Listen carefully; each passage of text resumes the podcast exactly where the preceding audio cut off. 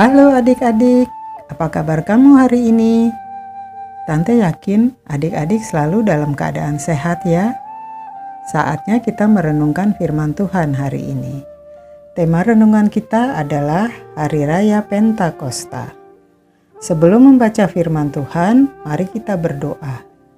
Bapa di surga, kami siap hari ini untuk membaca dan merenungkan firman-Mu. Biarlah roh kudus yang memimpin kami sehingga kami mengerti akan firman-Mu. Dan mampukan kami menjadi pelaku firman Tuhan dalam kehidupan kami tiap hari. Dalam nama Tuhan Yesus, amin. Adik-adik, mari kita buka Alkitabnya. Bacaan firman Tuhan terambil dari Imamat 23 ayat 15 sampai 17. Mari kita baca bersama-sama ya.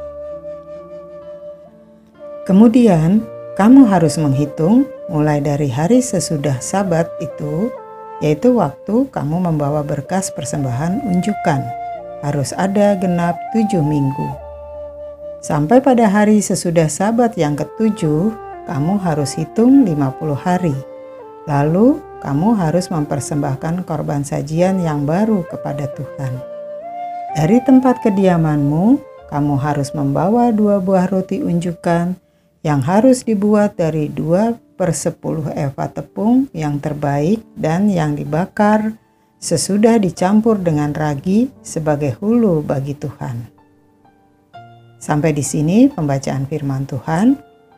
Ayat emas kita hari ini Imamat 23 ayat 16.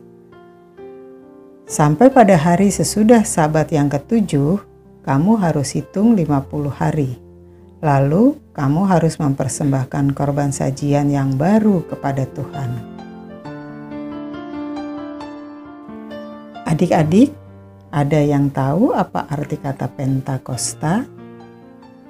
Ya, artinya hari yang ke-50. Asal kata Pentakosta berasal dari bahasa Yunani Pentekostes Pentakosta pada awalnya adalah sebuah tradisi yang dilakukan bangsa Yahudi untuk merayakan panen. Pada hari ini, hasil panen pertama akan diserahkan ke Bait Allah di Yerusalem, sehingga orang Yahudi akan berbondong-bondong datang ke kota itu. Selain itu, Pentakosta merupakan peringatan atas turunnya sepuluh hukum Allah di Gunung Sinai untuk umat Israel.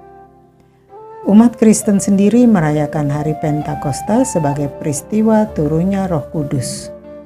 Pada hari ini terjadi peristiwa besar. Selain turunnya Roh Kudus, yaitu para rasul yang dapat berbicara dalam berbagai bahasa dan membaptis 3000 orang. Nah, adik-adik, dari penjelasan yang kita dengar, Adik-adik jadi tahu bahwa Pentakosta juga menjadi hari yang bersejarah untuk kita sebagai orang Kristen memperingatinya. Karena bagi orang Kristen, kita boleh meyakini dan percaya akan turunnya Roh Kudus yang selalu memimpin kehidupan kita. Mari adik-adik, kita mau selalu katakan, "Aku mau mengingat peristiwa penting yang terjadi saat hari Pentakosta." Kita ulangi sekali lagi ya. Aku mau mengingat peristiwa penting yang terjadi saat hari Pentakosta. Kita akhiri renungan hari ini dengan berdoa. Bapa di surga, terima kasih karena Roh Kudus sudah turun atas kami, memimpin dan menyertai kami. Terima kasih ya Tuhan, dalam nama Tuhan Yesus, amin.